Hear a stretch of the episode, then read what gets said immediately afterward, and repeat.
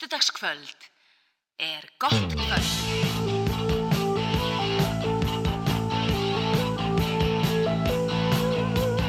Myndin í speiklinum gæti eins verið fréttamaðurinn á skjerminum það sem reyfast með glerinu Eða bara eitthvað sem ímyndunarnafnið ræður ekki við. Farð á rauðu,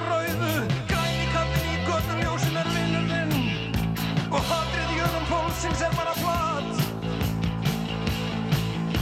Nei, reynd ekki að þræta, það eru 365 dagar í árinu. Og lífið er staðræn. Hvort sem þú notar málband eða nýjastu göttvanir í sálfræði eða reynir bara að sigga það nú er fjarlag milli manna svo sama og vegalein milli húsanna en samt er eins og eins sem eins ég bara sér spöklið á sjálfum mér. En samt er eins og eins sem eins ég bara sér spöklið á sjálfum mér.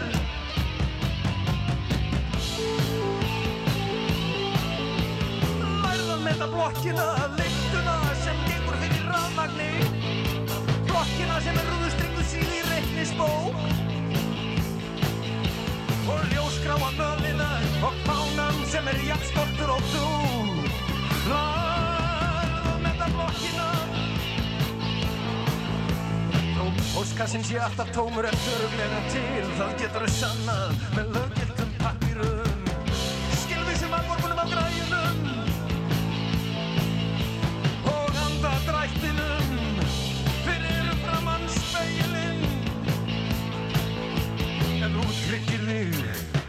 Er sjómarfið óhullt í stofunni?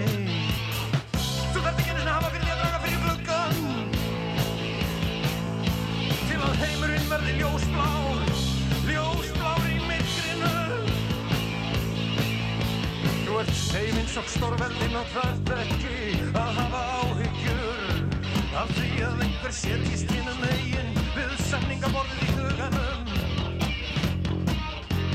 Af því að einhver setjist hinnum megin við samningaborðið í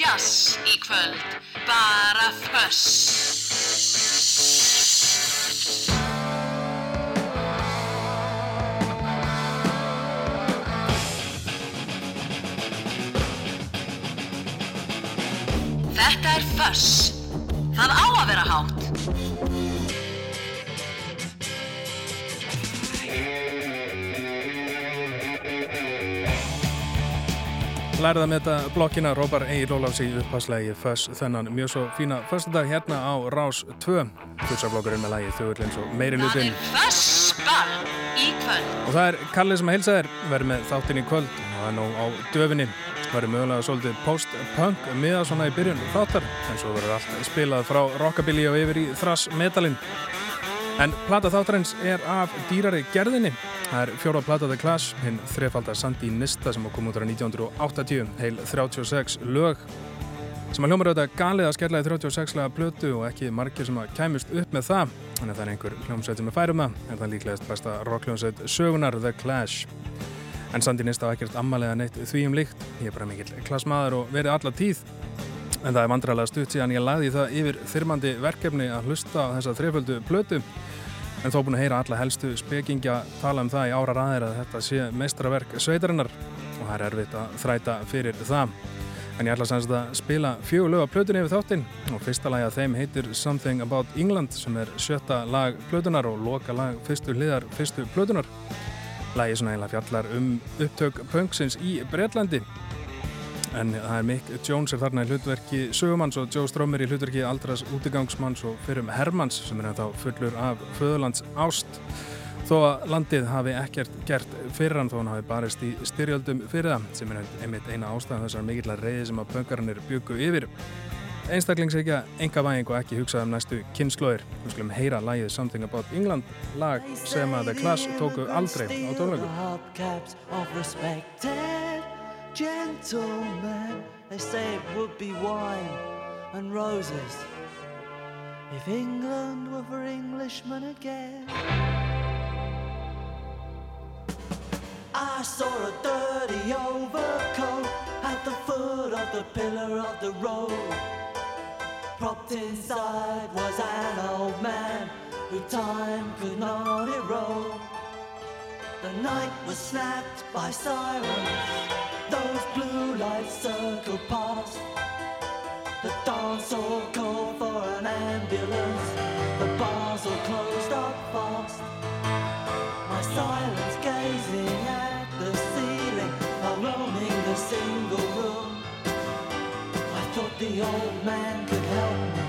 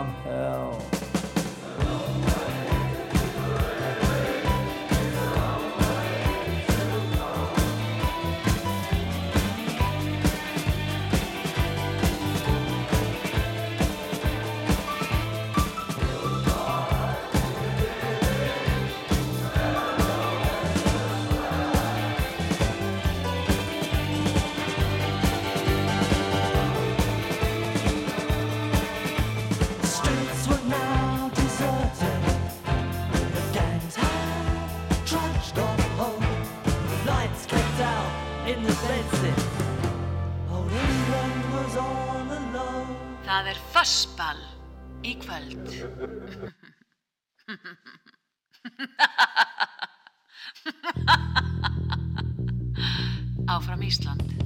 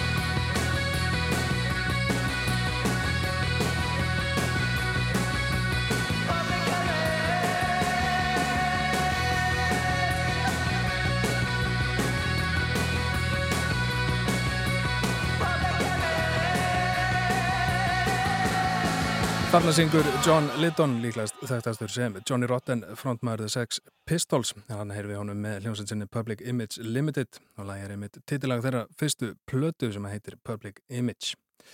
En sveitin eru breyturindur í post-punk senunni í það minnst að titlaðir sem einir af arkitektum hennar en í textana með Johnny auðvitað skjóta förstum skotum að Malcolm McLaren fyrir um umbásmannið The Sex Pistols og hefur hann vissulega aldrei farið í feljur með óbeitt sína á þeim manni. En næstir eru það Joy Division sem eins og svo mörg post-punk og punk bönd ákvaða að stopna hljómsveit eftir að sé Sex Pistols á tónleikum. Byrjuð sem er að punk en er svo einhver síðri breytur endur í post-punk senunni en Public Image og árið þeirra líklegast dýbri. Hann vilum að heyra lagið Shadowplay af fyrstu blödu þeirra og mestraverkinu Unknown Pleasures sem kom út á 1979. to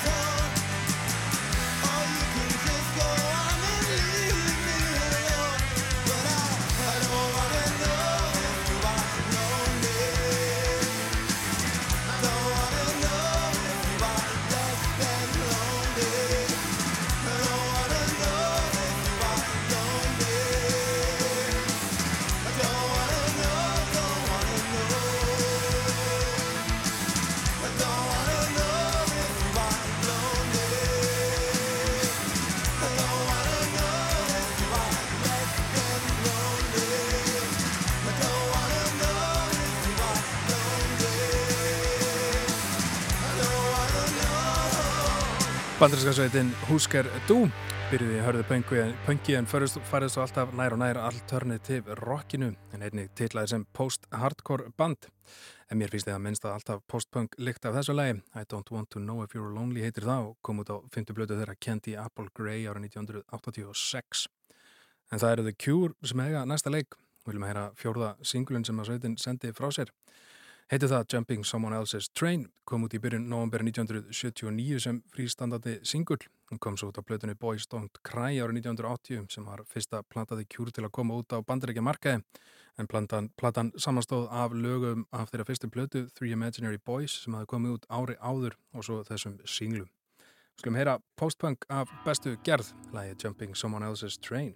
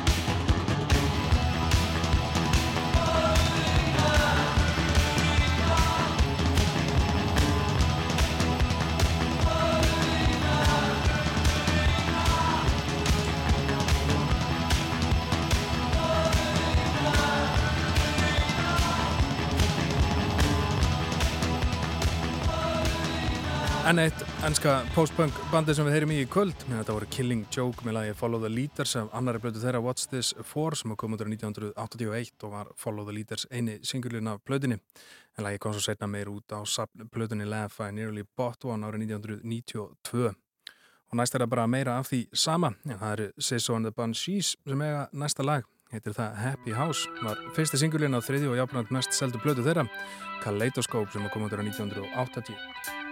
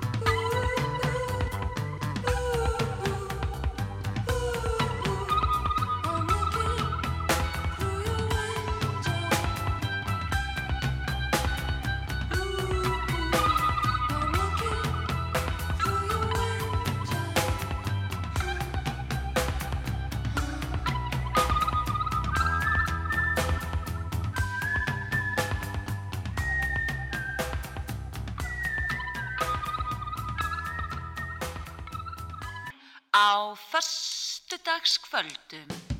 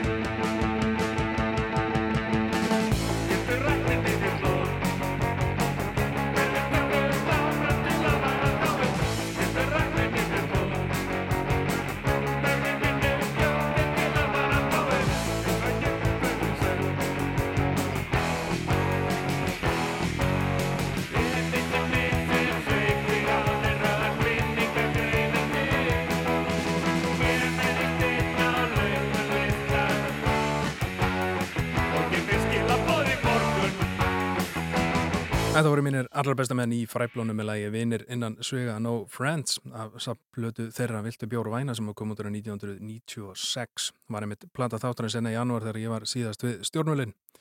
En næstir eru það The Fall sem að kemur engum ávart að segja ennst postpunk band. Mikið kvöld band en árið 1985 gáðu þeir út sína áttuðu plötu sem að mörgum er talin þeirra besta plata. Heitir hún This Nation's Saving Grace og ég að þakka félag mínum Sturla Áskasinni fyrir að koma mér inn í þessa snild Við viljum heyra þriðja lag plötunar sem heitir Barmi.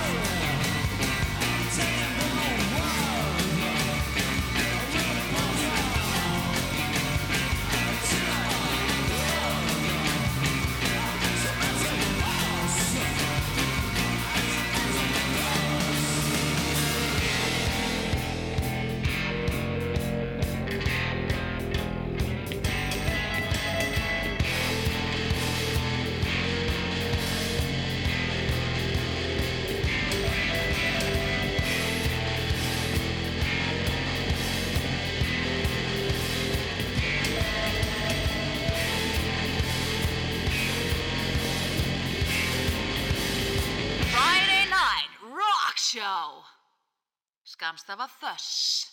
Alltaf á þössnum.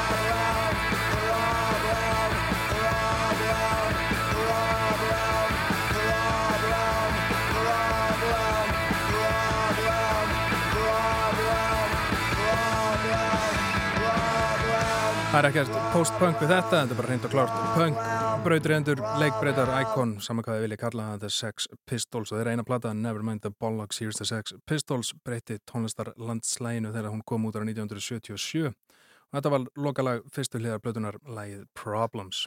En þá er komið að öðru læginu sem við viljum að heyra af blötu þáttarins, þrifaldameistarverki The Class, platan Sandi Nista frá 1980, fyrsta lægið var lokalag fyrstu hliðar fyrstu blötunar, Something About England, en það næsta heitir Somebody Got Murdered og er fjórða lægi af annari hlið fyrstu blöðunar. Sagan á baka við lægið er svo að Jack Neach leikstjóri var með Alba Chino myndina Cruising í vinslu og Herri Joe Strömmur og vildi fá eitthvað hart frá honum fyrir soundtrackið.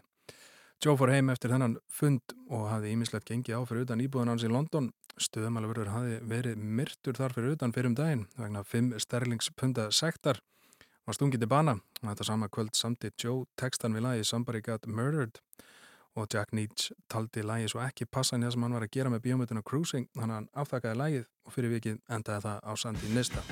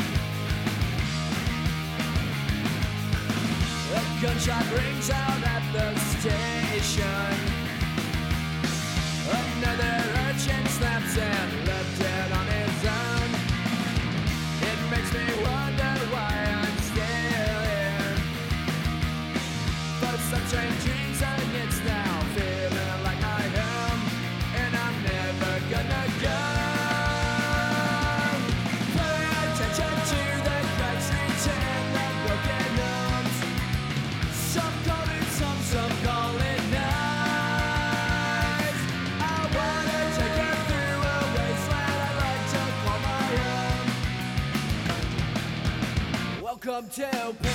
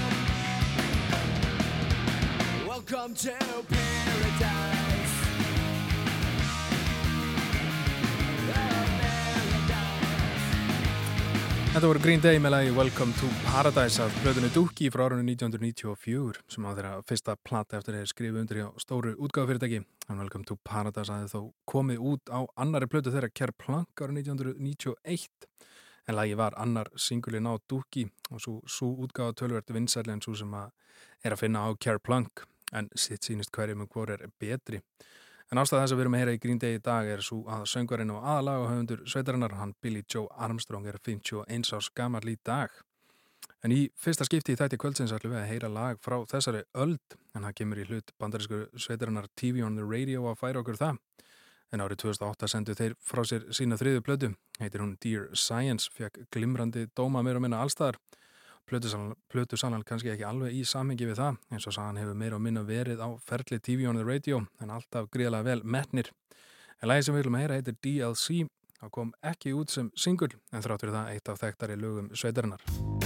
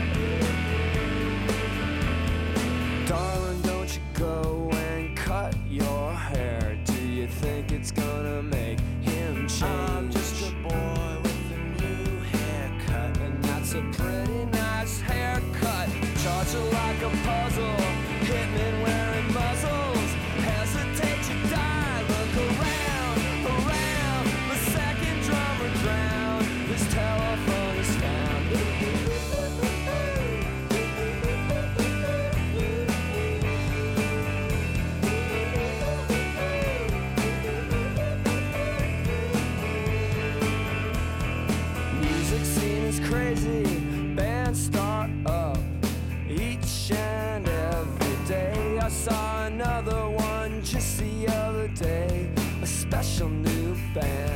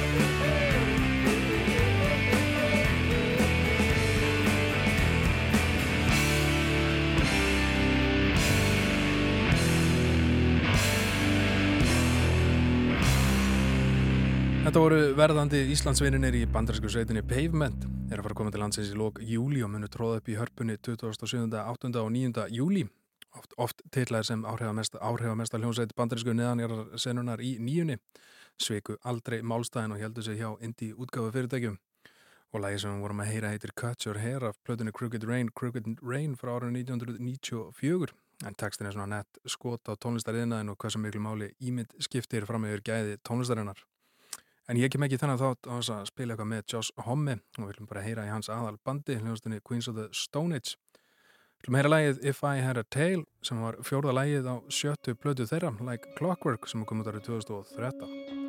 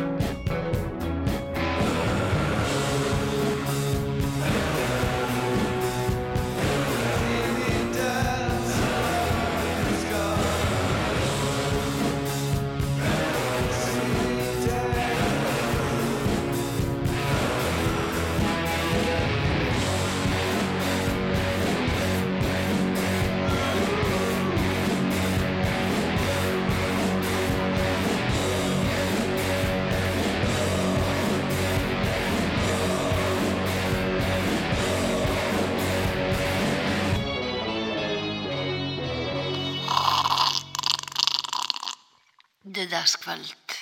Mm. Það rokkar jafn heitt og kaffi. Baby, to another says I'm lucky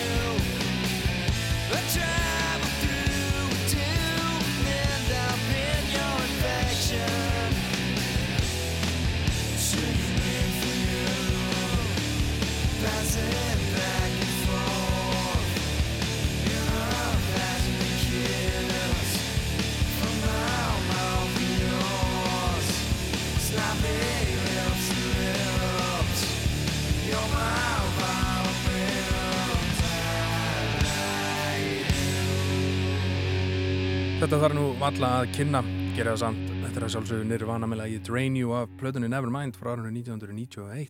Lagið kom þó ekki út sem single, en var þó að finna sem bjellið á smáskjöfinu fyrir Smells Like Teen Spirit, en þó einingis á útgáðinu sem að kom út í Breitlandi. En við viljum halda næst heim til Íslands og heyra í strákunum í Jan Mayen sem að sendi frá sér sína fyrstu plötu Home of the Free Indeed árið 2004 og við viljum heyra eitt af lögum ársins það árið, lagið Nick Cave.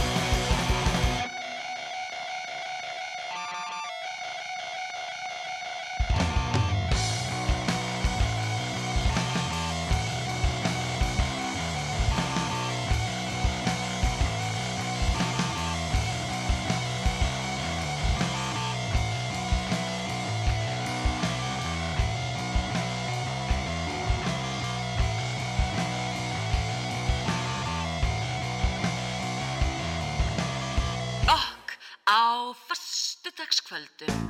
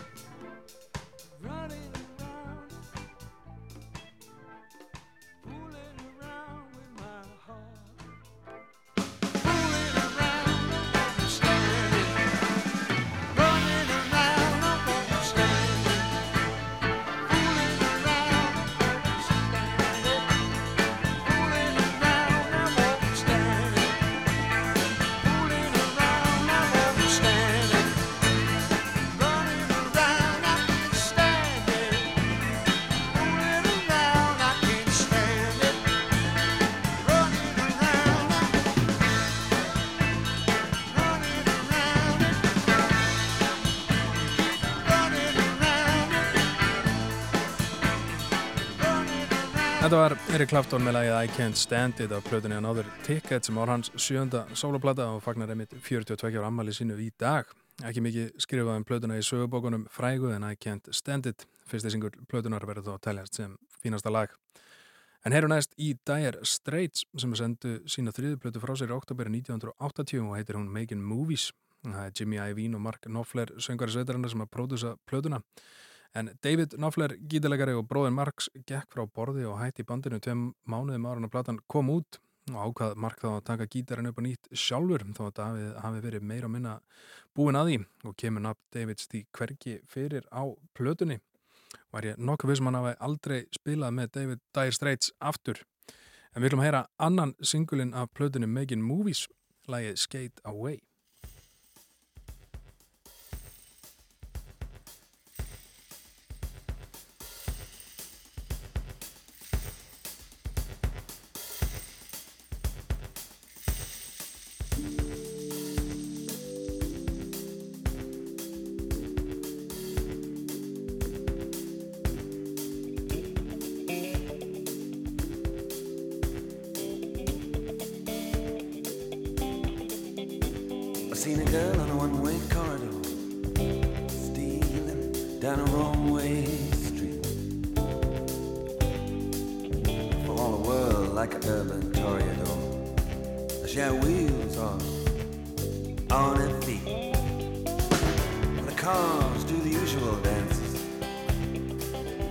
sem no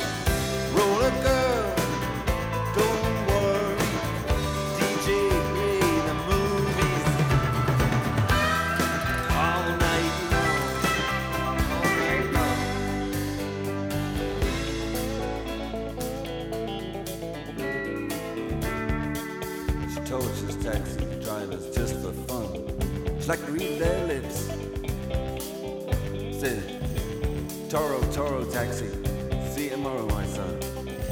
Just let a big truck grease her hip. Oh, she's got her whole world in the city. Yeah. Can't intrude on her, no. No, no. She got her own world in the city. The city's been so rude to her. Ruby is alone at night, sailing through the crowd. And her so tight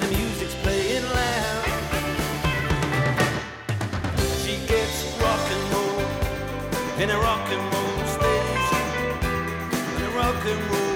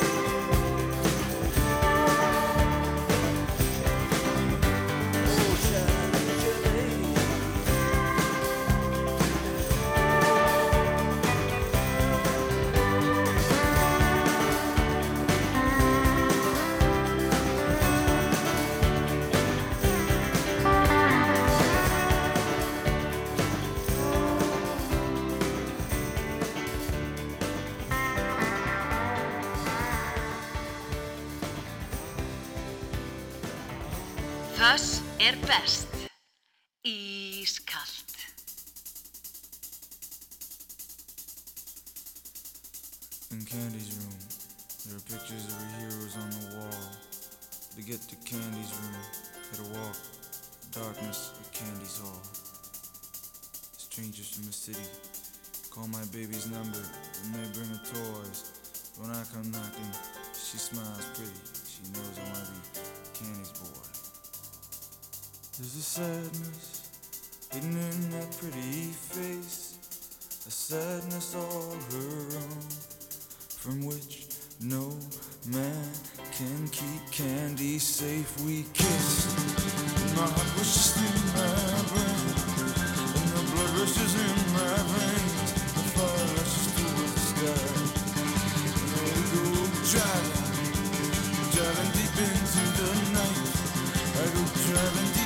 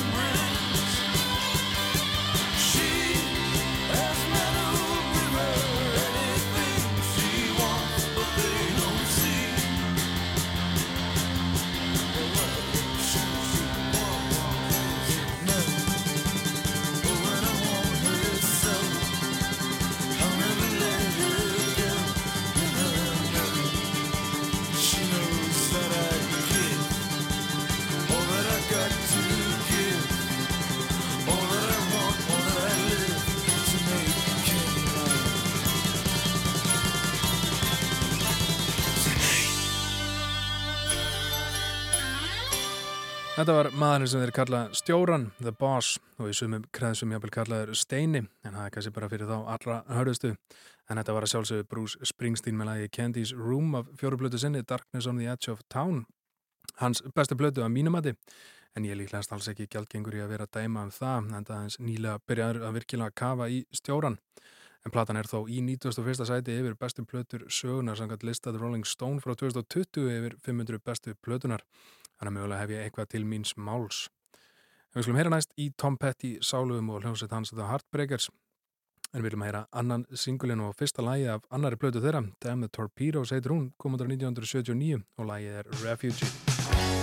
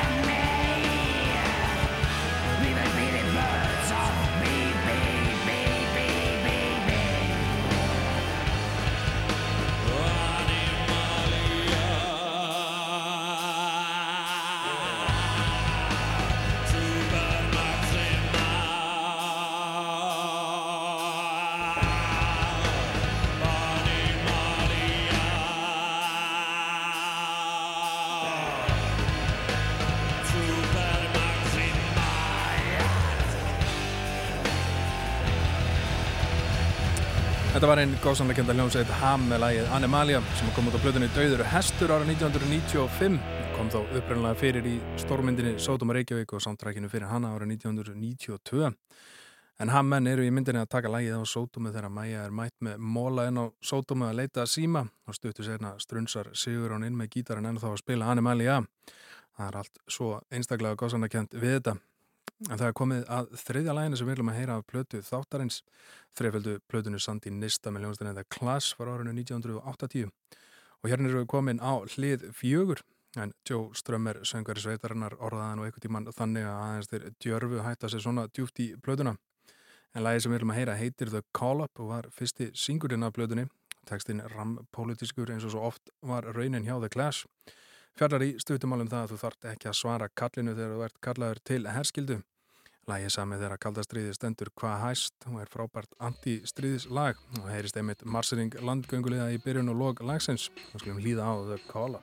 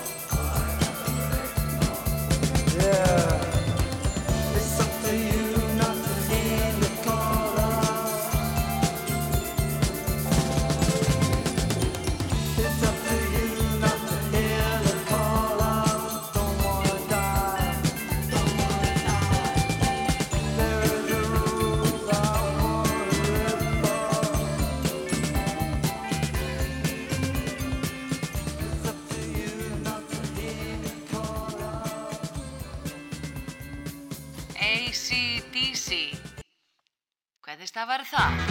Thus. I've been waiting in school all day long, waiting on the bell to ring so I can go home. I throw my books on the table, pick up the telephone. Hello, baby, let's get some going.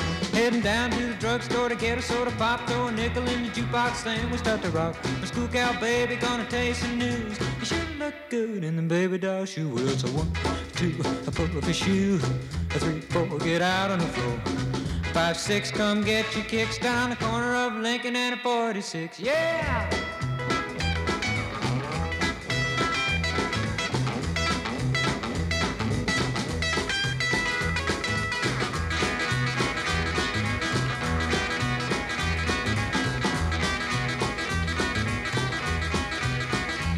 I've been waiting in school all day long, waiting on the bell to ring so I could go home. Throw my books on the table, pick up the telephone.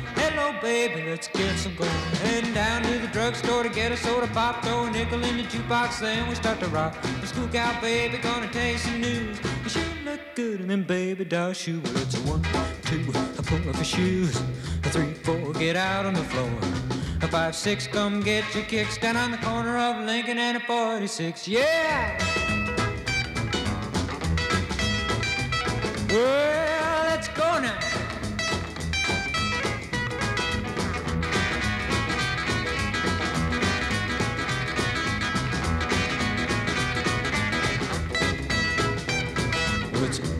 two, I pull up your shoes. A three, four, get out on the floor. A five, six, come get your kicks down the corner of Lincoln and a 46. You gotta move. Start rockin', baby. Rockin', rockin', baby. Gonna rock all night. Rock all night. Just wait and see. Yeah! Þetta var Ricky Nelson, maður sem var fyrirferða mikill í rockabilly senunni og sjötta og sjönda áratug síðstaldar en þarna heyrði við lagið Waitin' in School og ég er nú ekki djúpur í rockabilly fræðanum en þetta lag húkaði mig í mestarverki Quentin Tarantinos kvikmyndinni Pulp Fiction frá árinu 1994 en þar spilar maður að nafni Gary Sherrill lagið þegar John Travolta og Uma Thurman er að lappin á veitingastæðin Jack Rabbit Slims stutt ára þau fá sér shake og stíga svo dansinn fræga En við viljum næsta að heyra í breska bandinu The Hollies, titlar sem heita fremstu bresku böndunum í sexunni og fram í miðjaði söguna.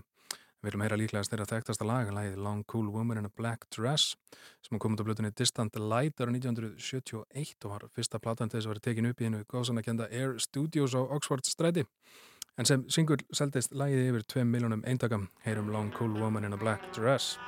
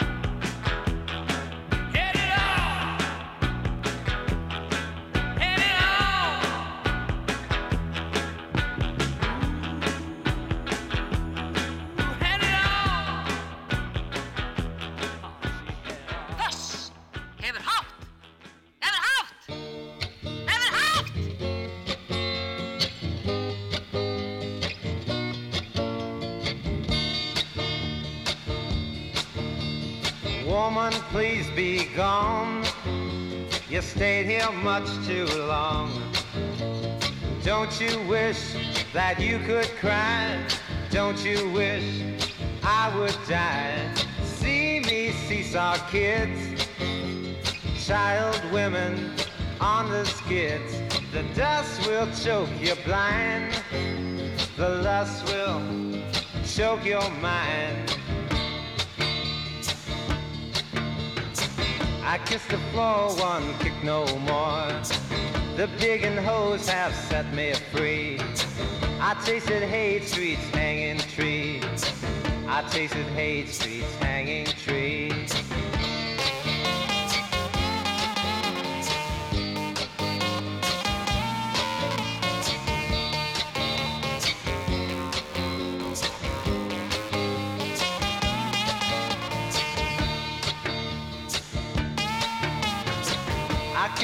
one kick no more.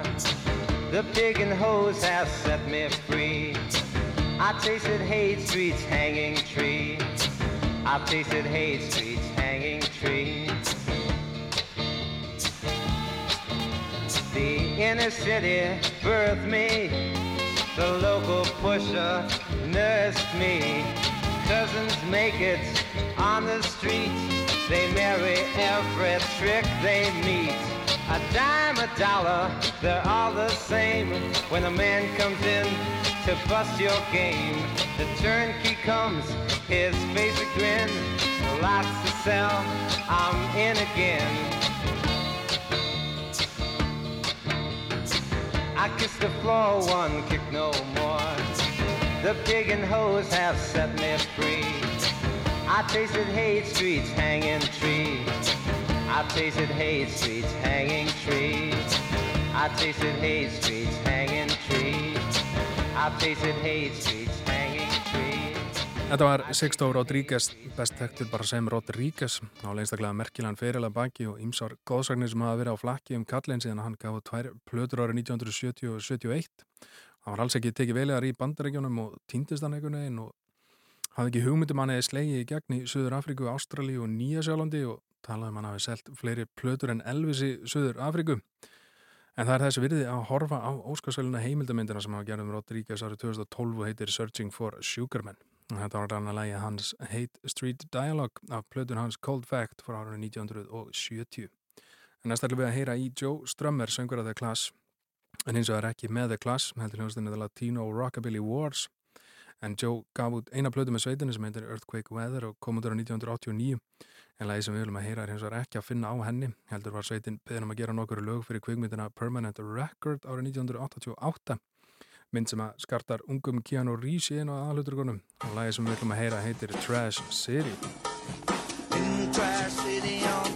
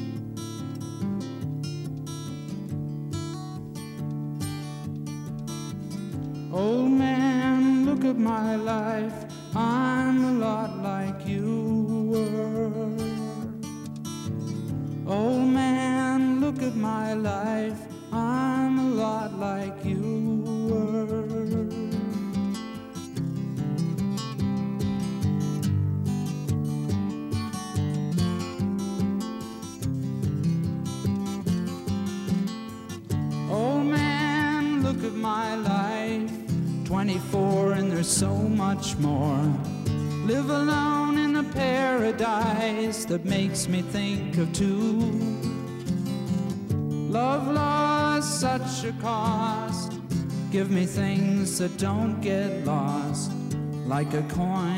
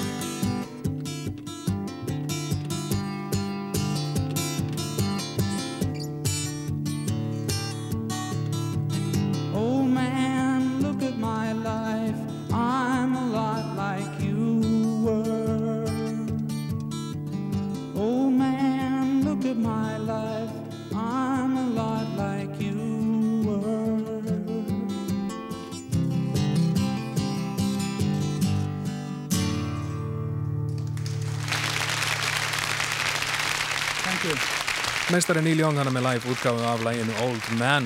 Lægi er fyrsta lægi á annari hlið hans af þekktustu blödu Neils Harvest sem að koma út ára 1972 og er hans mest selda plata og bara mest selda plata ársins í bandaríkjanum það árið. En takstinn fjallarum mannin sem að sá um sveitabíli Neils í Broken Arrow í Kaliforníu. En það eru Íslands vinir sem er að næsta leik. Hljómsveitinu Brian Jonestown Massacre munu stíga á stokk í gamla bjói förstu daginn 3. mars og verði á svæðinu og vonast eftir því að sjá sem flesta. En lagi sem við ætlum að heyra heitir Fact 67, kom út á plötunni Don't Get Lost árið 2017 og var þeirra 17. plata sem að gera nokkur neginn plötu á ári síðan að sveitin var stopnu árið 1990 og það er nóg sem hefur gengið á þessum 33 árum. Og sem dæmi um það er bara sérstök Wikipedia síða yfir meðlimi sveitarinnar í gegnum tíðina. En heyrum í Brian Jonestown Massacre með lagið Fact 67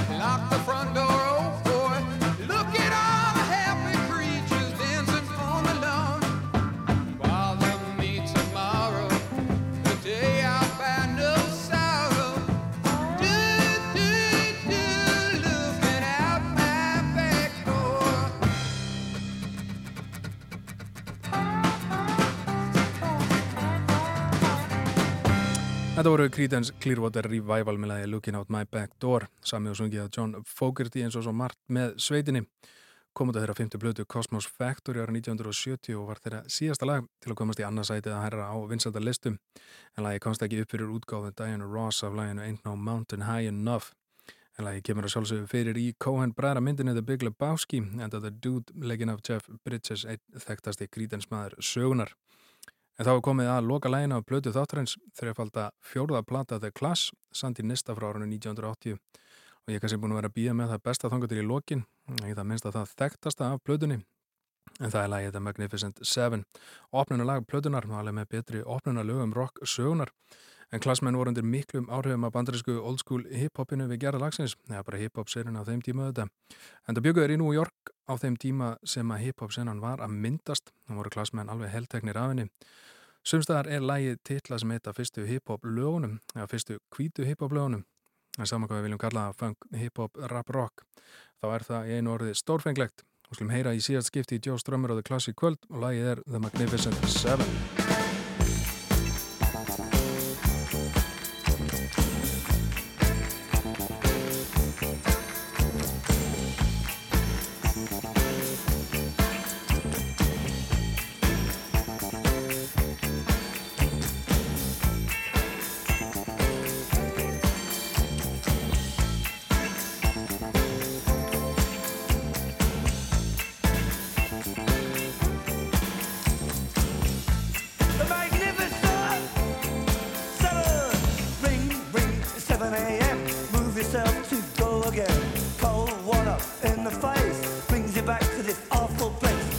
Merchants and your bankers too.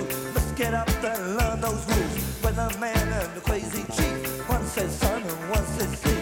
AM, the FM, the PM too. Turning out that boogaloo. Get you up and I guess you out. But how long can you keep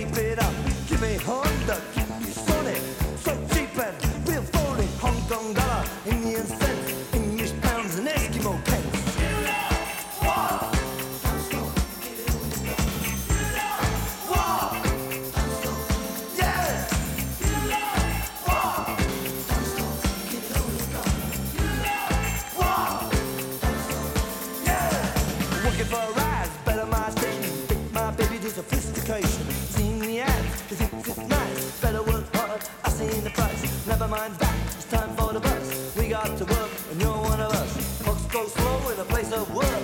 Minutes drag and the hours jerk. Yeah, We're bye bye.